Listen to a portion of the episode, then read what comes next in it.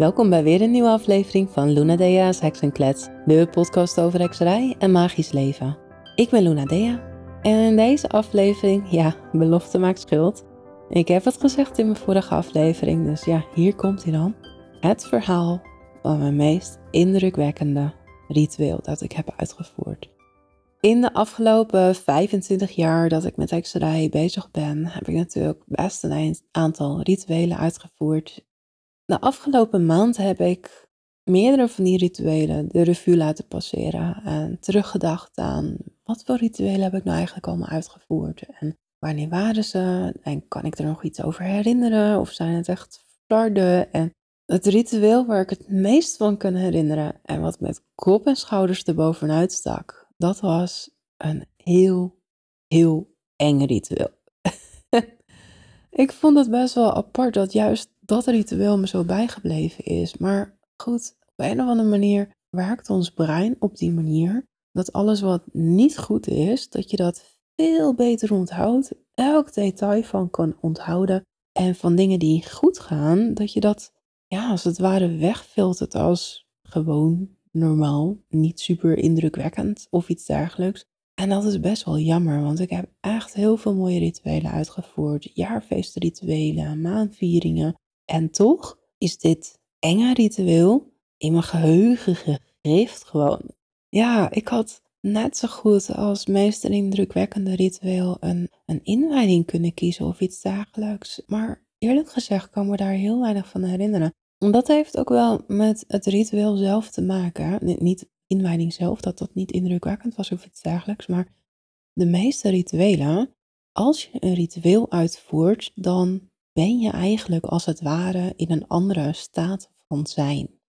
Ja, dus ik hè, als ik een ritueel uitvoer, dan, dan gaat mijn hele energie daarin en mijn hele zijn en wezen verkeerd dan als, alsof ik in een parallele ja, iets zit. Niet helemaal mezelf ben. Alsof ik half uitgetreden ben of in een andere dimensie zit. Of iets, nou, het, het klinkt heel vaag. Maar goed, als je een ritueel uitvoert en daar echt nou ja, heel je energie in stopt, dan zit je op een andere golflengte als wanneer je met je bewuste brein dingen waarneemt. Bovendien voer je de meeste rituelen uit in een cirkel. Een cirkel zorgt ook weer voor een plek buiten de tijd. Als ik een cirkel trek voor ceremonieën, dan zeg ik ook altijd: laat dit een plek buiten de tijd zijn. En ik trek de cirkel met de windrichtingen mee. En ik betover de cirkel en ik wijd de cirkel. En dat is allemaal bedoeld om daar een plek van veiligheid voor te maken. En een barrière op te werpen. Dat je, de cirkel is een beschermkoepel geworden. En die houdt andere energie buiten en houdt jouw energie binnen tot je het uitstuurt naar een doel. Maar het wordt daarmee als het ware een soort energiekoepel buiten de tijd. Je verkeert dus echt ergens anders.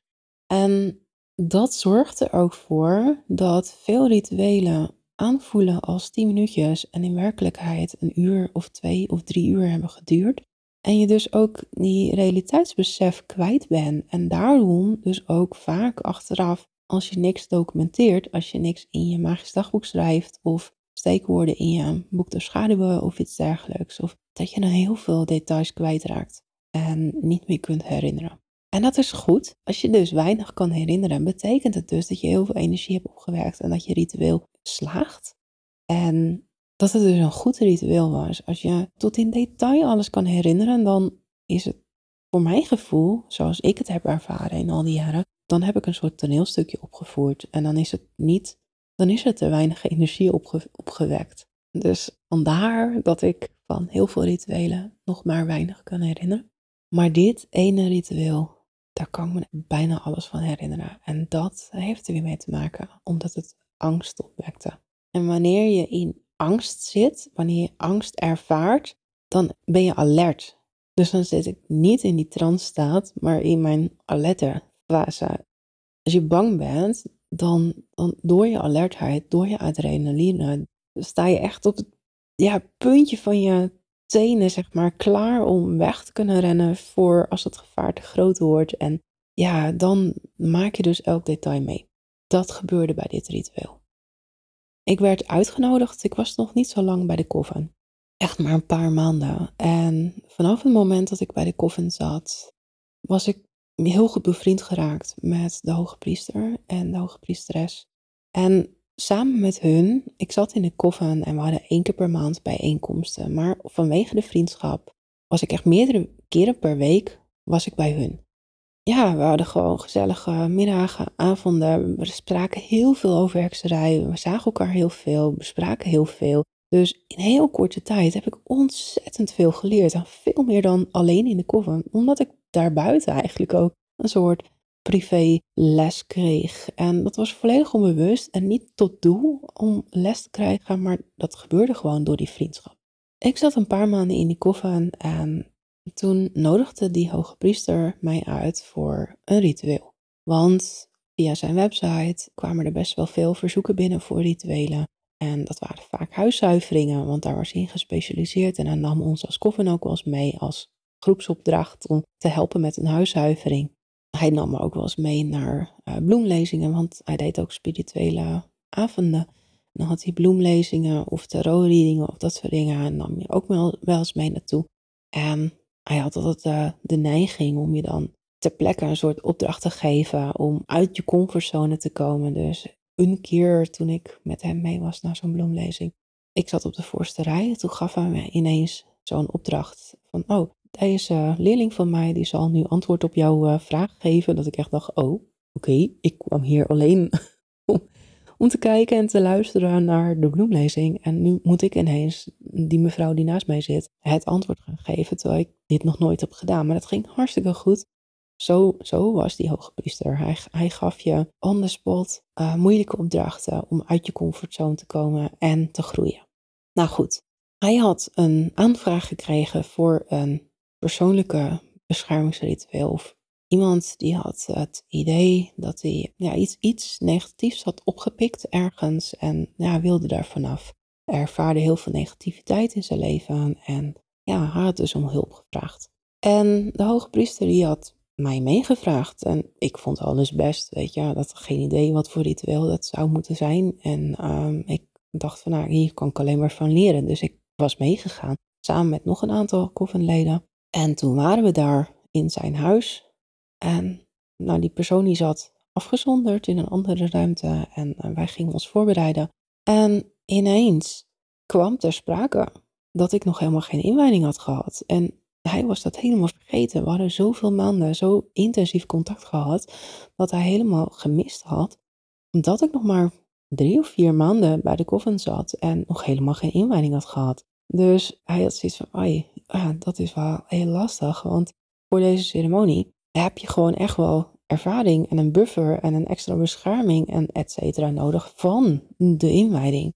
Dus ik heb eerst als voorbereiding op de ritueel ter plekke nog eerst mijn eerste graads inwijding gekregen. En toen konden we pas verder met de voorbereiding van het ritueel zelf. Dat was een hele aparte situatie. En de voorbereiding van het ritueel was dus eigenlijk de cirkel trekken en extra bescherming aanbrengen, onszelf zuiveren en nou goed, alles wat je doet voor een, voor een ritueel in principe.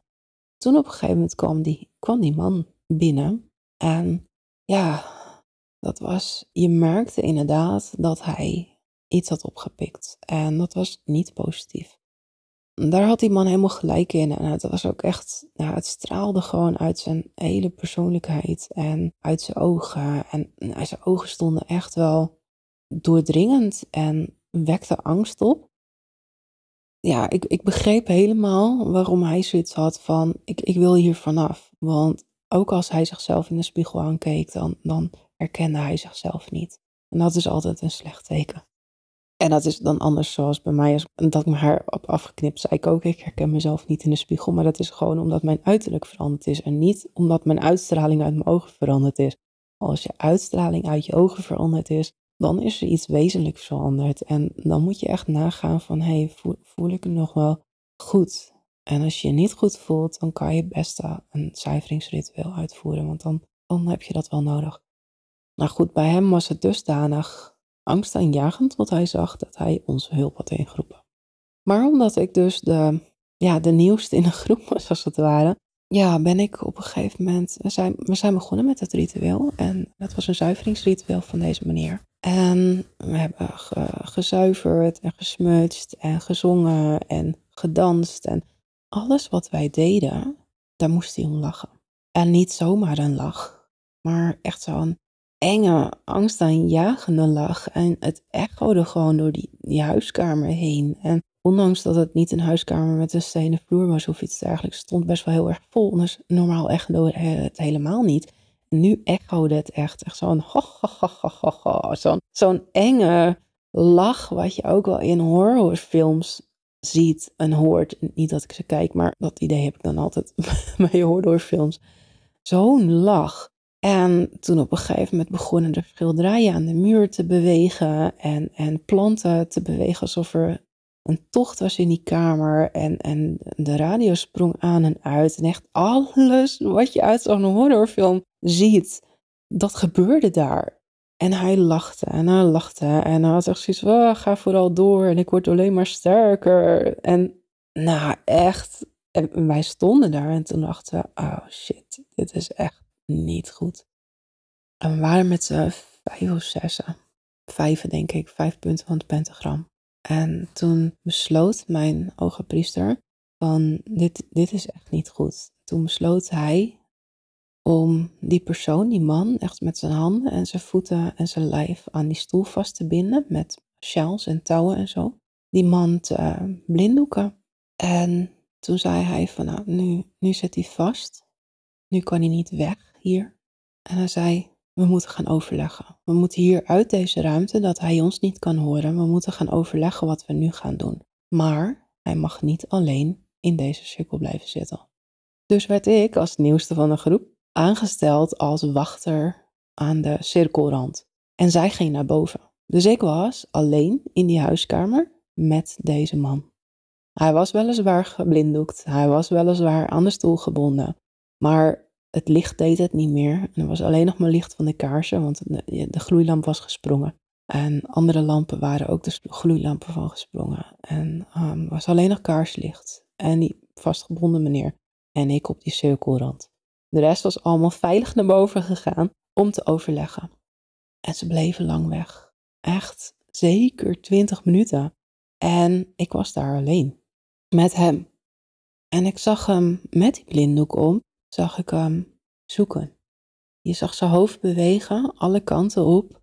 En echt met uitgestoken hoofd, uitgestoken nek, was hij aan het zoeken. Hij was aan het speuren van waar, waar staat zij?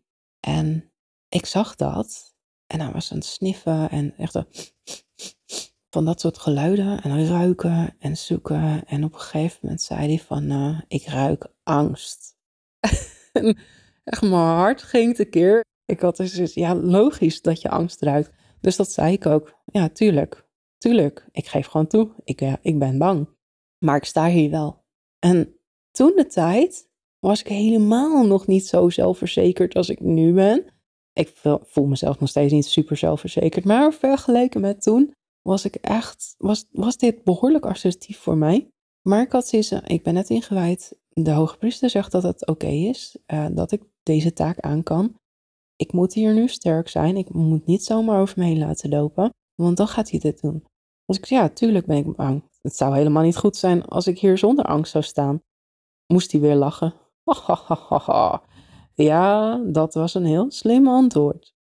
En nou ja, goed, ondertussen roffelde mijn hart nog steeds en ik dacht echt van kom terug. Maar wij leven nog lang, nog best wel lang boven.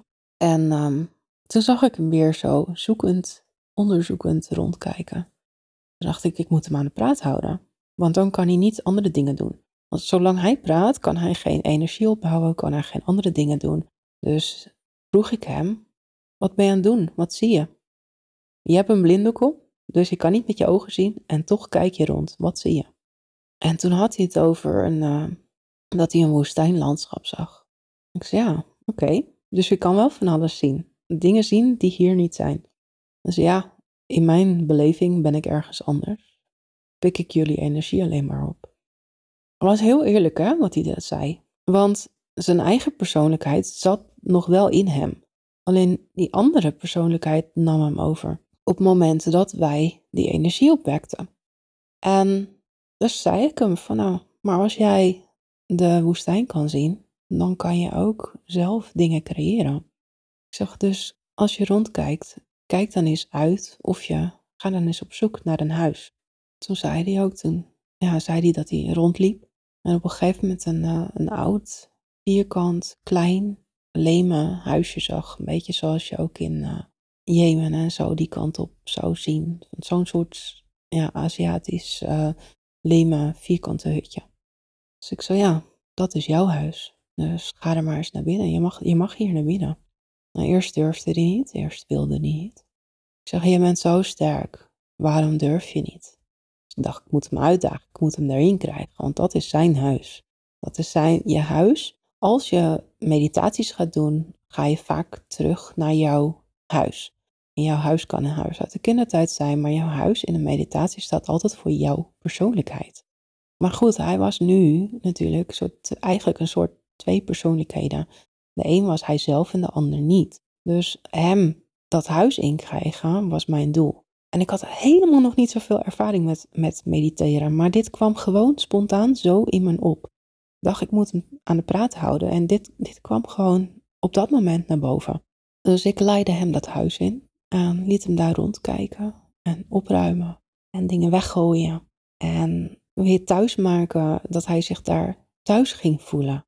En op een gegeven moment toen begon hij te huilen. En dat was zo bijzonder. En nu was het niet angstaanjagend of eng. ik hoorde gewoon dat hij een andere stem had. Dat het minder bulderend was zoals het eerst was. Gewoon normaal, een normale stem die huilde. Hij brak. Hij brak omdat hij zijn huis had schoongemaakt. En dat hij dat zoveel moeite had gekost om zijn huis schoon te maken. Maar het wel had gedaan. En alles naar buiten had geveegd. En had begraven in het zand. Ja, zelfs planten had laten groeien in zijn tuin. Zodat het niet meer een woestijn werd. Maar een huis met een tuin. En op het moment dat hij begon te huilen. Slap in zijn stoel ging begon te hangen. Toen kwam de rest naar beneden. En dat was echt 20 minuten, 25 minuten. Nou, echt, echt lang waar ze boven geweest. En zij zeiden ook, ja, we waren eigenlijk bang om nog naar beneden te gaan, terug te komen. Maar op een gegeven moment voelden ze dat de energie veranderd was. En herinnerden zich dat ik als net, als net ingewijde daar aan die rand stond. Uh, hadden ze iets van, ja, we moeten wel terug, want Luna Dea staat er alleen. We kunnen er niet zomaar alleen laten met die creep. want dat was het gewoon. Het was echt, echt een enge, enge ervaring, wat we daar eerst hadden meegemaakt, de eerste helft van het ritueel. En toen zijn we, nou, toen kwam de hoge priester beneden en die had zoiets wat heb je gedaan? Dus ik heb gepraat met hem, gewoon gepraat en hem een meditatie doorgeleid om hem zijn huis te laten schoonmaken. En het was zo'n andere energie en er sprongen weer, ja, de lampen waar geen bolletje van gesprongen waren, die, die begonnen weer te branden. En nou, het was echt, dit was zo'n bijzondere ervaring. Ik dacht altijd dat al die dingen uit horrorfilms, dat dat, ja, overdreven was en angstaanjagend gemaakt om het angstaanjagend te maken, weet je wel. Maar ik heb het gewoon meegemaakt en het gebeurt gewoon. Nou ja, goed, weet je, ik, ben zelf, wat ik zei, eerder in een andere podcast zei, ik ben best wel angstig aangelegd als het op dat soort dingen aankomt. Maar op dat moment, ik, ik had van tevoren helemaal niet door naar wat voor ritueel ik ging. En dat overkwam me gewoon allemaal. Weet je, dus, dus dat ik te maken had met een demon, bleek later. En met die knipperende lampen en bewegende schilderijen. En het, het overkwam me gewoon. En op dat moment moest ik daar zijn. Kon ik niet zomaar wegrennen het huis uit of iets dergelijks. Want ik was meegereden met hoge priester. Dus ja, ik kan wel buiten gaan zitten. Maar weet je, om elf uur s'avonds buiten is ook niet helemaal uh, angstvrij om zo maar te zeggen. Maar het was gewoon, het was goed gegaan. En ik, ik had mijn instinct gevolgd door met hem te praten, door een meditatie in te leiden. En daarna hebben we nog wel iets gedaan, ritueel, maar dat kan ik me niet meer herinneren. Ik geloof een soort zuivering ook nog verder, nog een keer. Maar het was anders. Dus dat stuk kan ik me niet meer herinneren.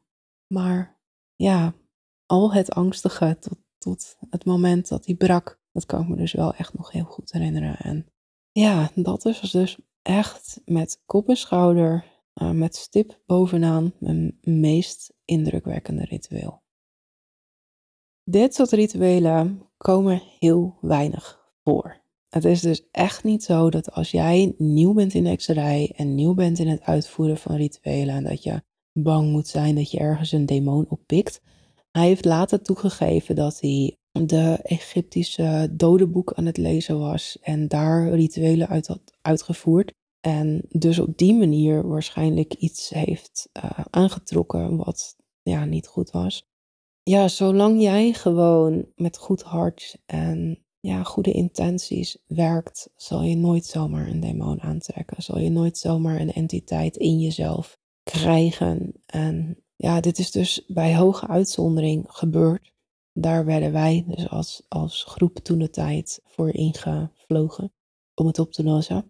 Dit soort zuiveringen, huiszuiveringen, persoonszuiveringen, dat doe ik niet. Ja, dit ging dan goed deze ene keer. Maar ik heb altijd gezegd, ik ben niet zo'n heks. Ik krijg meerdere verzoeken daarvoor per maand binnen in mijn inbox. Vooral via Instagram, ook via de mail. Mijn antwoord is altijd, ik ben niet zo'n heks. Ik ben niet zo'n heks die rituelen uitvoert voor een ander.